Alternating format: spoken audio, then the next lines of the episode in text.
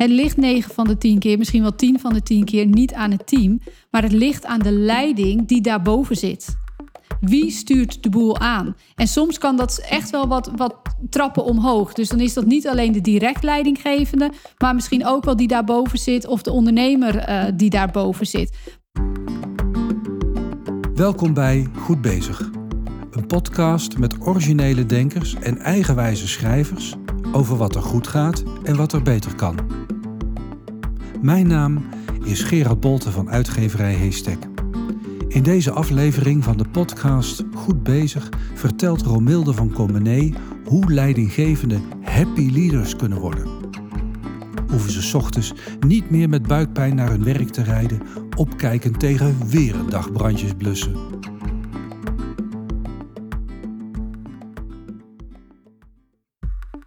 Romilde van Comenee is graag de baas. Niet omdat ze graag de baas wil zijn, maar omdat ze het heerlijk vindt om een team zo aan te sturen dat je samen van alles voor elkaar krijgt. En dat gunt ze iedereen. Romilde was jarenlang manager en ontwikkelde zich tot leiderschapsexpert. Inmiddels leert ze andere leidinggevenden hoe ze happy leaders kunnen worden. Dat is ook de titel van haar nieuwe boek. Hoe word je dat? Een happy leader.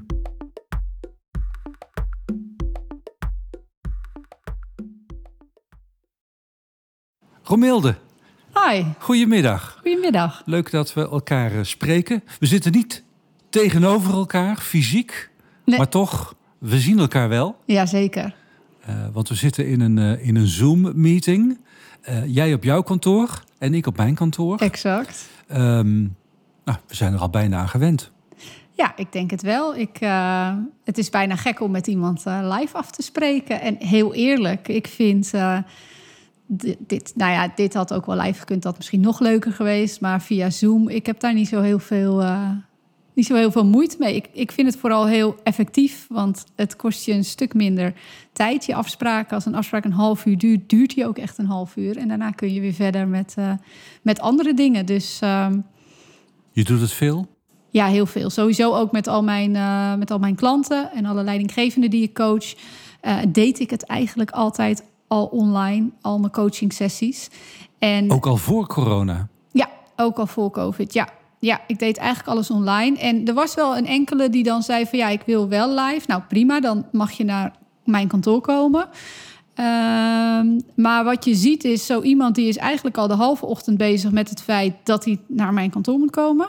Vervolgens uh, ben je natuurlijk met elkaar in gesprek en is het eerst, oh ja, kopje koffie, dit, dat, zus, zo. Dus die, uiteindelijk, als je s ochtends om tien uur een afspraak maakt, dan is uh, die leidinggevende die je coacht daar de hele ochtend mee bezig. Ja, ik denk dat dat uh, zonde is van je tijd. Ondanks dat die coaching ongetwijfeld heel veel voor diegene oplevert, kost het je gewoon drie uur. Ja. En ik denk dat dit veel effectiever is. En uh, ja, mede nu door COVID door, bij heel veel andere mensen ook bekend. En die gaan denk ik daar ook, uh, of die, die merken daar ook de voordelen van. Dus uh, nee, ik vind dat echt wel fijn. En ik vind het zeker niet onpersoonlijk, want je, de, de leidinggevenden die ik coach, die zitten vaak in een lange traject bij mij. En uh, of dat nou offline of online is, je creëert sowieso een band met elkaar. Je verdiept je in, in wat, wat er gebeurt bij die leidinggevende, wat voor team ze hebben. Dus um, dat kan net zo goed op deze manier. Ja. En om dan maar met de deur in huis te vallen. Je hebt een boek geschreven over leiderschap. Klopt. Uh, kan dat ook online leiding geven? Uh, kan het ook online leiding geven? Ja, ik, dat kan zeker wel online. Alleen ik denk dat de combinatie daarvan het beste werkt.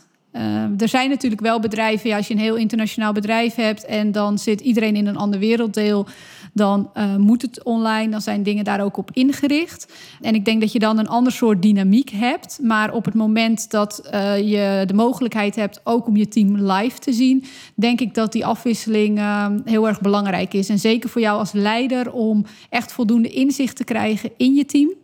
En dat je ook eigenlijk die dingen die, uh, laten we het noemen, uh, onder water spelen, dat je die ook meekrijgt. En dat is soms toch meer dat, dat gevoel of wat je merkt wat er op zo'n afdeling gebeurt of wat de dynamiek onderling doet, omdat je net even langsloopt of omdat jouw bureau misschien ook gewoon op de afdeling staat. Weet je, dan vang je toch nog net even iets meer op.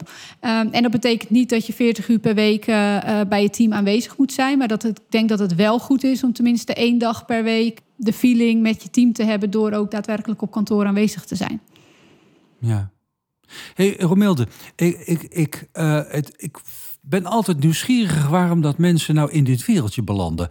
Um, wat is nou jouw klik met managen, met leiding geven?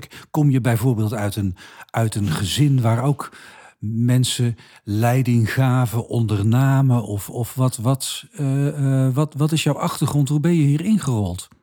Uh, nou, ik denk dat wij binnen het gezin waar ik vandaan kom, allemaal heel graag leiding geven. Dus dat, uh, dat botst ook nog wel eens. Maar nee, ik kom wel uit een, uh, een ondernemersfamilie. Oké, okay, ja. En uh, dan vooral vanuit mijn vaders kant zijn eigenlijk al zijn broers uh, op één na volgens mij allemaal ondernemer.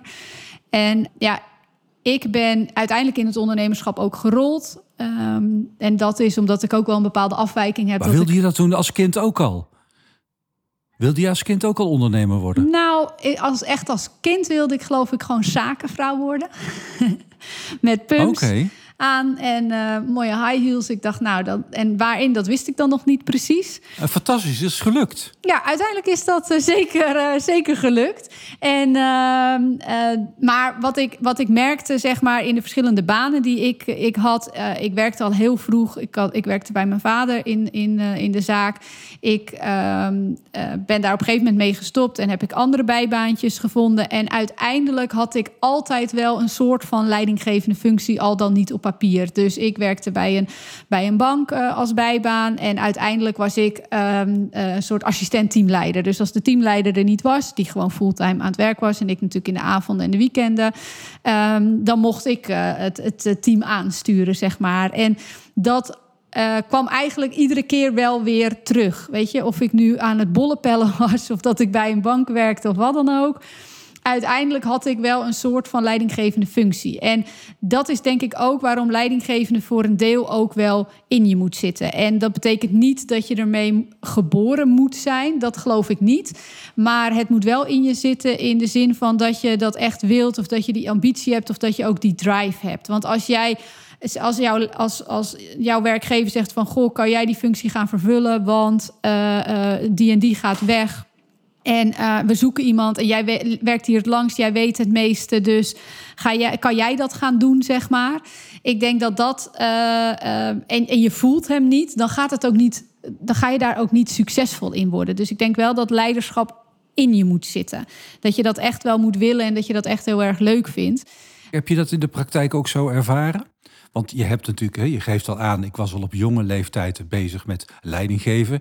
Eerst uh, thuis aan tafel en uh, vervolgens uh, in je werk. Mm -hmm. Maar daar kwam je ook andere leidinggevenden tegen... die dus misschien voor jouw gevoel daar niet zoveel talent voor hadden. Ja, exact. Ik heb ook een tijdje binnen een bedrijf gewerkt... En uh, dat was een, een, een, uh, een finance manager en die had eigenlijk meerdere afdelingen erbij. En die finance manager die wilde vooral met cijfers bezig zijn en balansen kloppend maken. Maar die had helemaal maar niet... Niet met mensen. Nee. Dus ik zat daar. Ik was uh, altijd ook een manage managementfunctie. Ik stuurde een team aan. Ik was nieuw. En nou, de eerste week heeft hij twee keer met me gezeten. En daarna heb ik de beste man gewoon bijna niet meer gezien. Dus ik heb wel gevraagd van, goh, uh, op een gegeven moment van, goh, kunnen we even zitten met elkaar? Vind je dat ik op de juiste weg ben? Dit zijn mijn plannen, dit zijn mijn doelen, zo wil ik het gaan aanpakken. Wil jij daar nog uh, iets over zeggen? Nee hoor, prima, ga je ding maar doen. Maar daardoor wist ik eigenlijk helemaal niets. En hij deed geen evaluatiegesprekken met me. Hij keek eigenlijk niet naar de plannen die ik had. Hij liet het volledig bij mij. En ik heb daar wel met hem uh, flinke gesprekken over gehad. Want ik zei van ja, weet je, dit is geen leiderschap. Zo pak je het niet aan. En misschien... Oh, je, je gaf hem meteen op zijn donder. Nou ja, dat heb ik wel even iets meer ingeleid. Maar dan wordt deze podcast wellicht iets wat, iets wat lang. Maar dat is wel hoe, ik, hoe, het, hoe het is gegaan, zeg maar. En, en ik met hem dat gesprek aanga. Dat viel je meteen op. Maar ik dacht, hoezo zeg jij ja tegen deze functie? Als je het helemaal niet leuk vindt. Want als leidinggevende kun jij een team maken of breken. Je, je hebt zoveel invloed daarop. En ik denk dat, dat of, of, uiteindelijk ook in de ervaringen die ik heb, ben ik een redelijk sterke leider. En was, wist ik toen al heel goed wat, hoe ik het moest gaan aanpakken. Maar als je daar iemand neerzet die nog nooit een leidinggevende functie heeft gehad. En jij uh, geeft diegene totaal geen begeleiding. En diegene gaat maar wat doen. Ja, dat is volgens mij een beetje spelen met vuur. Want was, wat was het gevolg daarvan, bijvoorbeeld bij dit bedrijf? Nou ja, het gevolg daarvan was, is A, dat ik, dat, dat, maar goed, dat ligt echt bij mij, hè dat ik redelijk geïrriteerd hierover was. Want ik dacht, ja, weet je, zo werkt het gewoon. Maar je had ook eh, misschien collega's die daar slachtoffer van waren. Hoe eh, zeker. ervoeren zij dat? Ja, zeker. Kijk, uiteindelijk ervaarde iedereen datzelfde probleem. En uiteindelijk ga je met elkaar, want met de leidinggevende onderling ga je uiteindelijk ook die, die uh, uh, meetings doen, zeg maar. En hij was er zelden tot nooit bij. Dus um, weet je, en dan zie ik wel weer dat ik dat soort dingen naar me toe trok. En dat ik zei van oké, nou weet je, dit kunnen we doen, zo kunnen we het aanpakken. Alleen ik wilde als leider zelf ook begeleid worden. Want ik wil ook wilde ook iedere keer weer een nog betere leider worden. Dus wat het gevolg in dit geval was, dat ik na een jaar zei van jongens, de groeten. Dit is niet mijn plek, zeg maar. Want hier ga ik wel een team. Ik heb het team neergezet. Ik heb de opdracht voltooid die ze wilden. Uh, het team liep. Het ging allemaal perfect. Maar ik wil mezelf ook blijven ontwikkelen. En dat, dat was niet de mogelijkheid uh, met hem als leider boven mij. Dus ging ik weg. Ja. Dus dat ja. was eigenlijk het directe gevolg daarvan. En dat, dat, dat bracht ook een zekere fascinatie met zich mee. Dat, dat, want jij was je daar ontzettend bewust van dat dat beter kon. Uh, en dat kwam je vaker tegen uh, bij de banen die je had. En toen dacht je ergens van, hé, hey, daar moest ik maar eens wat mee gaan doen. Ja, nou in die zin dat ik, dat ik um, um, redelijk snel daarna ben ik... Uh, uh, ja, dat was volgens mij in die periode ben ik eigenlijk ook voor mezelf gestart. En ben ik ook, heb ik mijn bedrijf opgericht. En ben ik in eerste instantie interimklussen gaan doen op uh, plekken waarvan, um, waar iets aan de hand was. Dus ik kwam niet om op de winkel te passen, maar het bedrijf was ontzettend snel gegroeid. Dus, dus ja, niet iedereen zat meer op de juiste plek. Moeten we al een HR-afdeling inzetten? Weet je, er was iets aan de hand. Of het ging misschien niet goed binnen een bedrijf. Dus oké, ze moesten andere beslissingen nemen. Of bedrijven waar, um, waar het gewoon niet lekker liep. Er was een team en het liep gewoon niet. Ze behaalden niet de resultaten die, uh, die ze voor ogen hadden. Dus dan kwam ik eigenlijk om de kijken. Dus ik analyseerde eigenlijk, oké, in welke situatie zitten we? Wat is er aan de hand? Uh, welke doelen zijn er? En wat moet er gebeuren om die uiteindelijk wel te kunnen bereiken? En wat ik daar eigenlijk iedere keer zag, is dat men heel vaak het probleem bij het team zoekt. Het team werkt niet. Dus Pietje, Jantje en Klaasje uh, moeten eruit. Want als we dan net dat soort type mensen aannemen, dan gaat het wel lukken. Maar het punt is eigenlijk, het ligt 9 van de 10 keer, misschien wel 10 van de 10 keer niet aan het team, maar het ligt aan de leiding die daarboven zit. Wie stuurt de boel aan? En soms kan dat echt wel wat, wat trappen omhoog. Dus dan is dat niet alleen de direct leidinggevende, maar misschien ook wel die daarboven zit of de ondernemer uh, die daarboven zit. Maar op het moment dat de leiding binnen, het, binnen een bedrijf niet oké is, of eigenlijk niet goed gaat, dan krijg je dat effect direct terug in je team. En dat is ook wat ik zei van, je weet je, een leider kan een team maken of breken. Uh, een leider of een ondernemer, die kan ervoor zorgen dat, het, uh, dat een team succesvol draait. Of juist helemaal niet en er één grote puinhoop van maken, zeg maar. En wat ik eigenlijk deed, is iedere keer orde op zaken stellen binnen zo'n organisatie. Ik ben een kei om uh, de vinger op de zere plek te leggen. En vanuit daar uh, het weer zo neer te zetten dat ze uh, de juiste focus hadden, de goede richting hadden, de leidinggevende exact wist wat er gedaan moest worden en weer zodat ze weer door konden. En wat ik in mijn trajecten eigenlijk altijd deed, ik zat drie, vier, vijf maanden binnen een bedrijf. En daarna hadden we eigenlijk nog één keer in de maand en dan op een gegeven moment één keer per kwartaal dat je nog even met elkaar evalueert. En wat ik zag is dat dat er in sommige gevallen eigenlijk ook gewoon weer meteen dat het weer bergafwaarts ging. En dat pijnpunt zit echt bij die leider. En die leider heeft er op een gegeven moment ook geen plezier meer in. Omdat ze simpelweg maar wat aan het doen zijn. Leiders willen over het algemeen hun, gewoon hun doelen bereiken, uh, resultaten boeken. En als dat niet lukt, en dan heb je ook nog iedere dag een team om je heen. En dat, daar wordt de sfeer natuurlijk ook niet beter op het moment dat je niet de resultaten boekt die je zou willen. Ja, dan zit je al snel in een spiraal van negativiteit. En als jij dan niet het gevoel hebt dat je controle hebt of de touwtjes in handen of dat je exact weet wat je moet doen, ja, dan, ehm, dan verlies je snel het plezier in het leiderschap. En dat, en dat zie je hmm. bij heel veel leidinggevenden gebeuren, dat ze binnen een jaar stoppen, omdat ze denken dat hmm. ze het ehm, niet kunnen, omdat ze eigenlijk geen idee hebben waar ze mee bezig zijn, uh, er ook niet blij van worden. En dat is denk ik heel erg zonde. En, en, en uh, je, je, kwam de nodige klunzen tegen, als ik jou zo hoor. dat maar zijn jouw woorden. Ook, uh, kwam, kwam je ook goede managers tegen? Ja, ja, zeker wel. Ik heb in mijn, uh, in mijn carrière ook zeker hele goede, uh, de bedoel eigenlijk mijn carrière in loondienst dan, um, hele goede leidinggevende um, ontmoet. En ook wel een van, uh, waar ik ook over vertel in het boek, hè, dat ik een leidinggevende had en hij um, was het echt niet altijd met me eens. Zij ook echt niet, stond echt niet iedere keer te juichen van joh, uh, jeetje, wat heb je dat weer goed gedaan. Maar dat was wel een leider die mij een spiegel voorhield, maar mij ook rugdekking gaf. En ik denk dat dat essentieel is. Of dat is in ieder geval een van de meest essentiële punten. Want op het moment dat jij uh, een team aanstuurt. En um, op het moment dat het goed gaat, dan hebben we gewonnen. En op het moment dat ze iets niet goed doen, dan hebben ze het niet goed gedaan.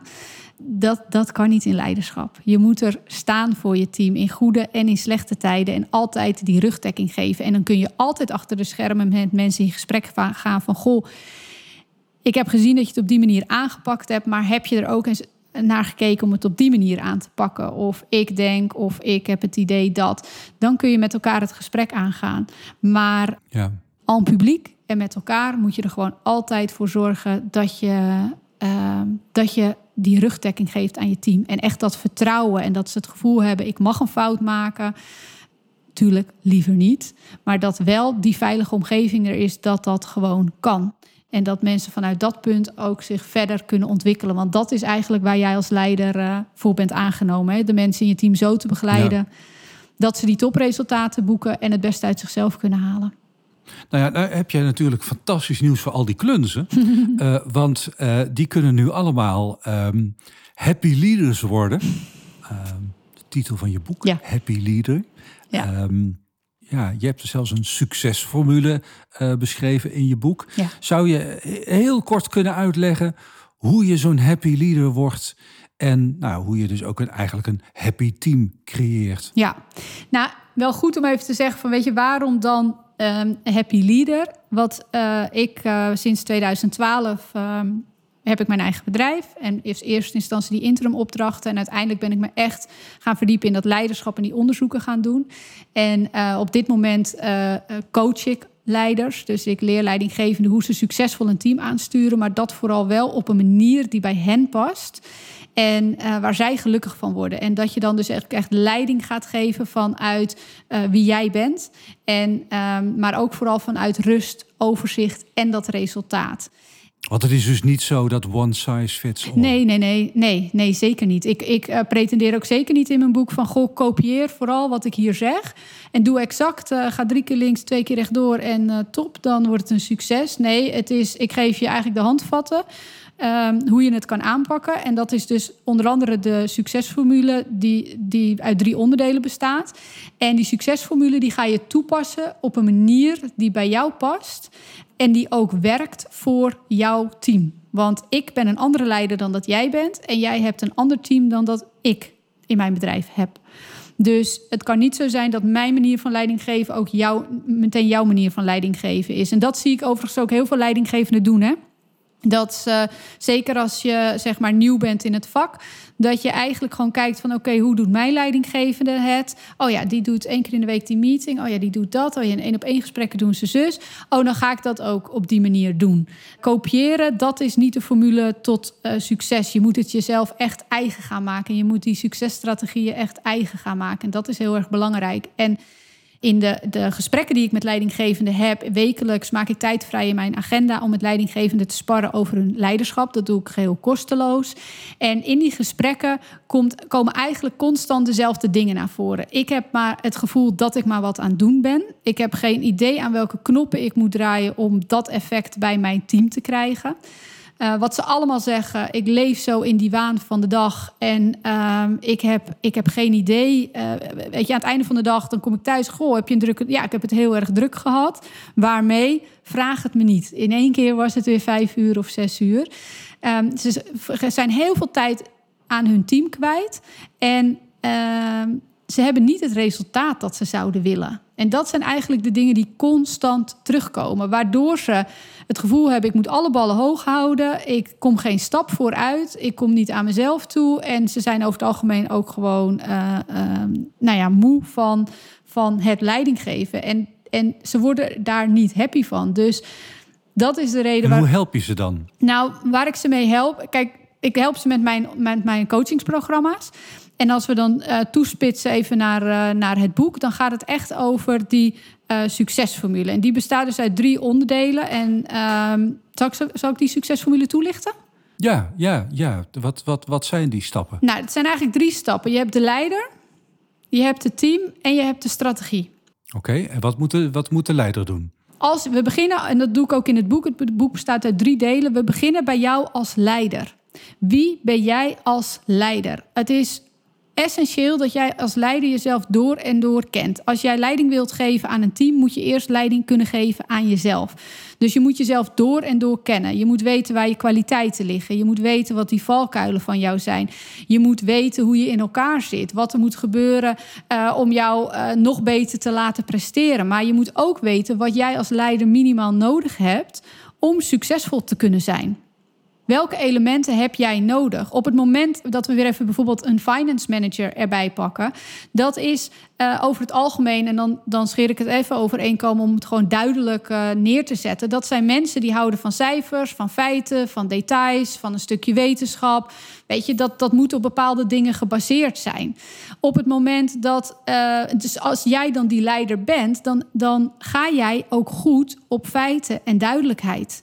Dus even een meeting van, goh jongens, koppen bij elkaar, waar is iedereen mee bezig? Dat vervult eigenlijk niet wat jij nodig hebt. Maar jij vindt het wel fijn om om even in een overzichtje te kunnen zien: oké, wat is de stand van zaken? Waar zijn we? Waar is wie mee bezig? Dus dan zul je een leider zijn die misschien wel dat overzicht er ook bij brengt, om voor zichzelf ook dat overzicht te kunnen houden in zijn leiderschap. Op het moment dat jij een ontzettend people manager bent, dan zul jij het ontzettend lastig vinden om nu heel veel thuis te werken. En heb je juist die interactie met mensen en die live interactie heb je nodig om uiteindelijk zelf ook in die flow te blijven en om goed te presteren. Nou, weet je, dat zijn even, en dit zijn natuurlijk even kleine dingen om het hier kort mm, uit te leggen, maar dat zijn dingen waar je echt achter moet komen. Wat heb jij als leider nodig om optimaal te kunnen presteren?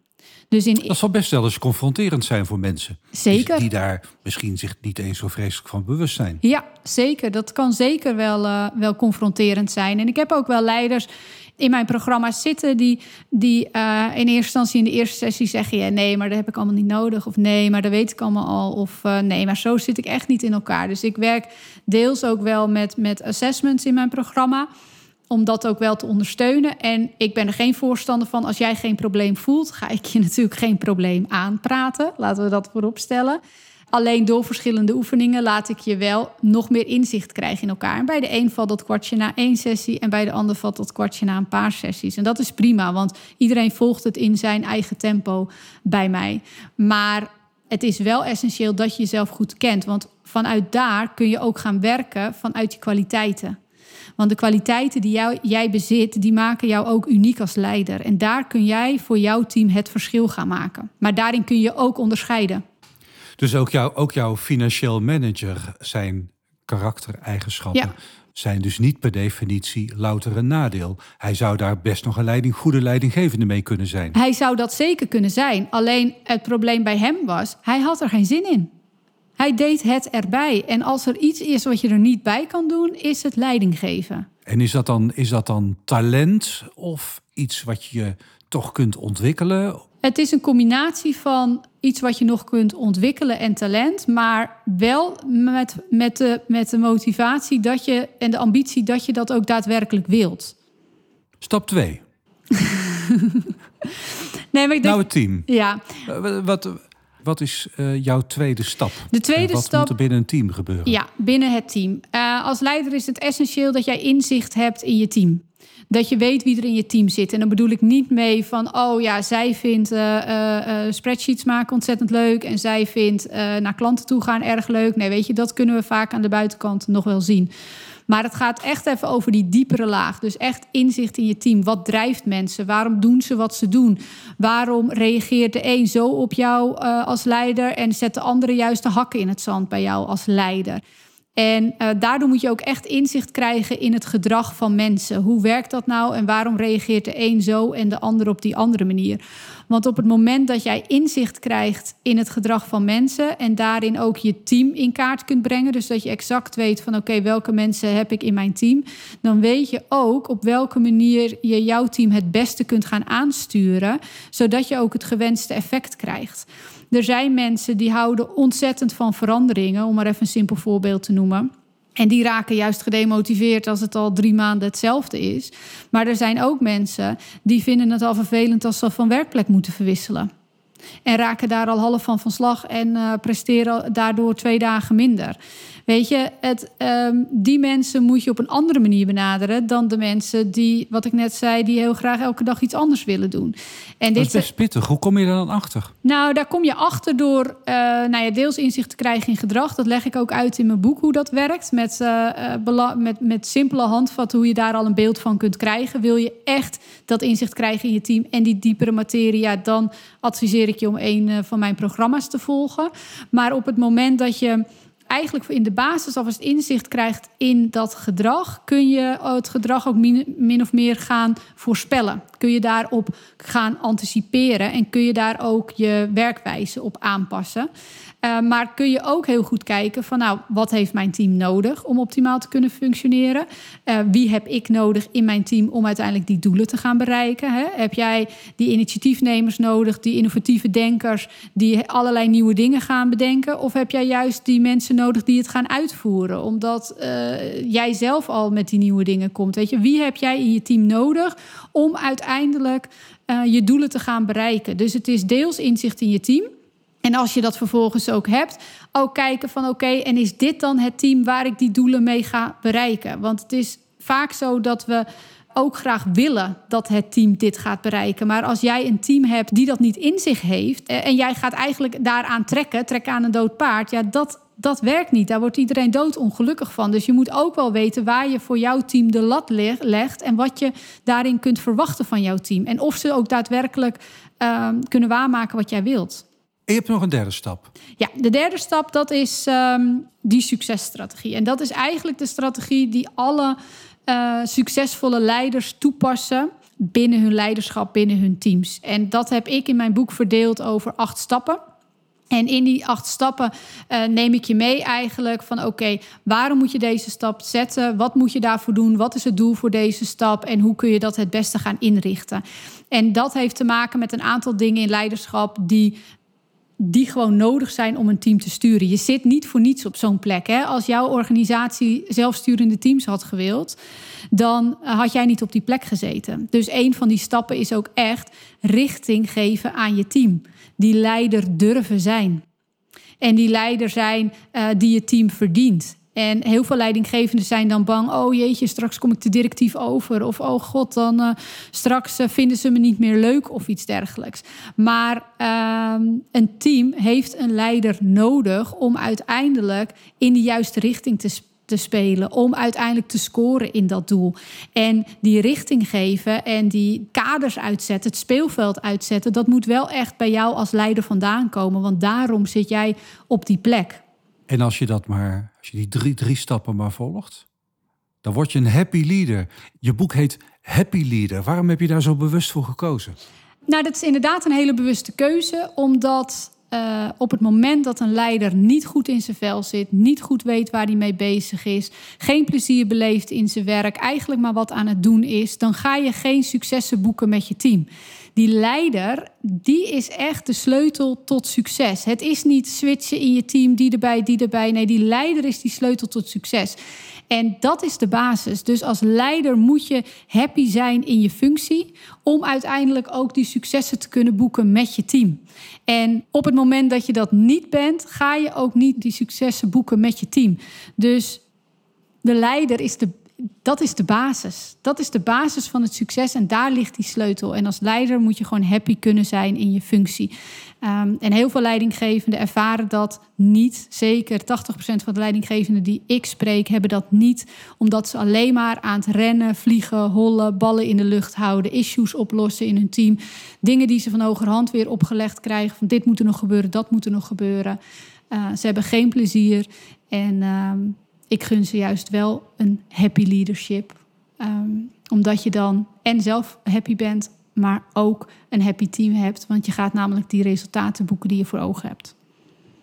Hey, en, en, en, heb ik nog een inkoppertje voor je. Oh, vertel. De mensen die jij traint, de mensen die jij coacht. Ja. Um, daar zitten natuurlijk ook mensen tussen die er niet goed in zijn. Ja. Daarom kloppen ze bij jou aan. En zie je dan ook dat sommige, of dat een deel, groot deel misschien wel van die mensen, er inderdaad in slaagt veel beter te worden? Ja, nou, eerst even één ding. Het is natuurlijk niet zo dat mensen alleen maar bij me komen op het moment van, joh, ik eh, ben niet goed in leiding geven. Het gaat er vooral om dat ze uh, het gevoel hebben dat ze uh, geen controle hebben. Of eigenlijk dat ze niet goed weten waar, waar ben ik nou mee bezig, wat ben ik aan het doen. Uh, maar het zijn ook leidinggevenden die zeggen van goh, ik voel dat ik al lekker op, op het juiste pad zit. Maar ik wil eigenlijk een nog betere leider voor mijn team zijn. Ik wil echt van waarde zijn. Dus het is een, het is een mengeling van mensen die nog beter willen worden. Mensen die eigenlijk gewoon onzeker zijn en zeggen van goh, ik heb echt even die handvatten nodig. En het zijn mensen die inderdaad komen die zeggen: joh, ik ben hier helemaal niet goed in. Ik denk eraan om te stoppen. En dan zeg ik: nee, doe dat niet. Want ik kan je helpen. Ik kan je leren hoe je succesvol dat team aanstuurt. Echt op een manier waar jij blij van wordt. Dus dat vooropgesteld. En wat ik zie bij heel veel leidinggevenden... en ik, ik heb er vorige week ook nog een bericht over uh, gepost... op een van mijn uh, social media kanalen. Dat iemand zegt van, oh, weet je, ik heb alleen nog maar module 1 doorlopen... en ik heb al zoveel stappen gemaakt. En het leuke is, kijk, die eerste modules en ook de eerste delen in mijn boek, die gaan in eerste instantie over jezelf. En ja, dat is soms even confronterend of die spiegel, maar je leert daar zoveel van. Maar je krijgt ook heel duidelijk in kaart waar jij nu eigenlijk heel erg goed in bent en waar jij het verschil kunt gaan maken voor je team. En dat is waar ik zie dat de mensen al meteen zoveel stappen zetten. Uh, en waardoor ze zelfverzekerder zijn, overtuigender in hun leiderschap. Um, en daardoor ook meteen al veel beter weten wat ze willen en hoe ze het moeten gaan aanpakken. Dus ja, ik vind het ontzettend mooi om te zien dat ze eigenlijk na die eerste modules al uh, dat soort stappen maken. Ja, en dat laten ze me ook weten. Dus op mijn LinkedIn zie je ook uh, uh, de reviews over mijn programma's en van leidinggevenden. Dus als mensen dat willen zien, kun je altijd daar kijken. Of op mijn website, daar zie je er ook een aantal staan. Um, maar heel veel van die leidinggevenden die misschien s ochtends met buikpijn naar hun werk rijden, mm -hmm. zouden wat aan hun aanpak moeten veranderen. Want ze hebben het misschien wel in zich, maar ze weten misschien niet hoe. Nee, inderdaad. En die hoe, dat is eigenlijk altijd een terugkomende vraag van... joh, ik wil dit, ik wil dat, ik wil zus, ik wil zo met mijn team... ik wil deze doelen bereiken, maar hoe? Hoe pak ik dat aan? Want als ik nu dit doe, of ik heb al geprobeerd om, uh, om, dit, om het zo aan te pakken. Ja, dan krijg ik uh, dat hele team over me heen. Dan gaat iedereen in hak in het zand en dan gebeurt er helemaal niets. Ja, en wat moet ik dan doen? Of uh, moet ik het dan maar zelf gaan aanpakken? Moet ik het doordrukken? Weet je, dat zijn allemaal dingen waar men mee te maken heeft. En um, waar ze eigenlijk gewoon willen, ja, simpelweg maar keer op keer de vraag stellen van ja, Romilde, hoe pak ik dat aan? Ik ben druk met van alles, maar ik kom geen stap vooruit. Hoe zet ik deze verandering in? En die hoe, die moet je echt aanpakken in die drie stappen. Het is niet zo van, goh, lees alleen het laatste gedeelte van mijn boek... of doe alleen de laatste twee modules van mijn uh, programma's. Weet je, dus dat je alleen die hoe kijkt. Nee, want die hoe, dat is niet copy-paste. Je moet echt even terug naar de basis. Wie ben jij als leider? Wat heb je nodig? Wie heb je in je team? Welk team heb je nodig om deze doelen te gaan bereiken. En vervolgens ga je aan de slag met die strategie. Maar ga je alleen met die strategie aan de slag en je doet copy-paste zoals ik dat doe. En jij bent een persoon die totaal anders is dan dat ik ben. Dan hou je dat op lange termijn niet vol. Dan ben je na een maand, twee maanden weer terug bij af en ben je geen steek verder gekomen met je team. En daarom is het zo belangrijk dat jij het gaat toepassen op een manier die voor jou werkt. Waar jij blij van wordt, waar jij happy van wordt. Want dat ga je op lange termijn volhouden. En val je niet weer terug. Spreek ik nu ook met een eh, happy auteur? ja, en ik had zelfs. Uh... Ben je blij dat het boek er eindelijk ligt? En, en uh, hoe vond je de ervaring om zo'n boek te schrijven? Uh, ja, punt 1. Ja, ik ben heel blij dat het boek er nu eindelijk ligt. Ik ben ook heel blij dat het af is. En heel even een ding tussendoor. Ik heb het boek um, in de tussentijd ook um, aan mensen laten lezen. Zodat ze ook alvast een review konden schrijven. Om te, om te vragen, goh, wat vind je er dan van? En iemand die had gezegd van... joh, ik ben nu niet alleen een happy leader. Ik ben ook een happy reader. Dus dat uh, vond ik een hele ah, mooie. Kijk, ja. ja, daar word je dus ook weer een happy schrijver Happy schrijver van, inderdaad.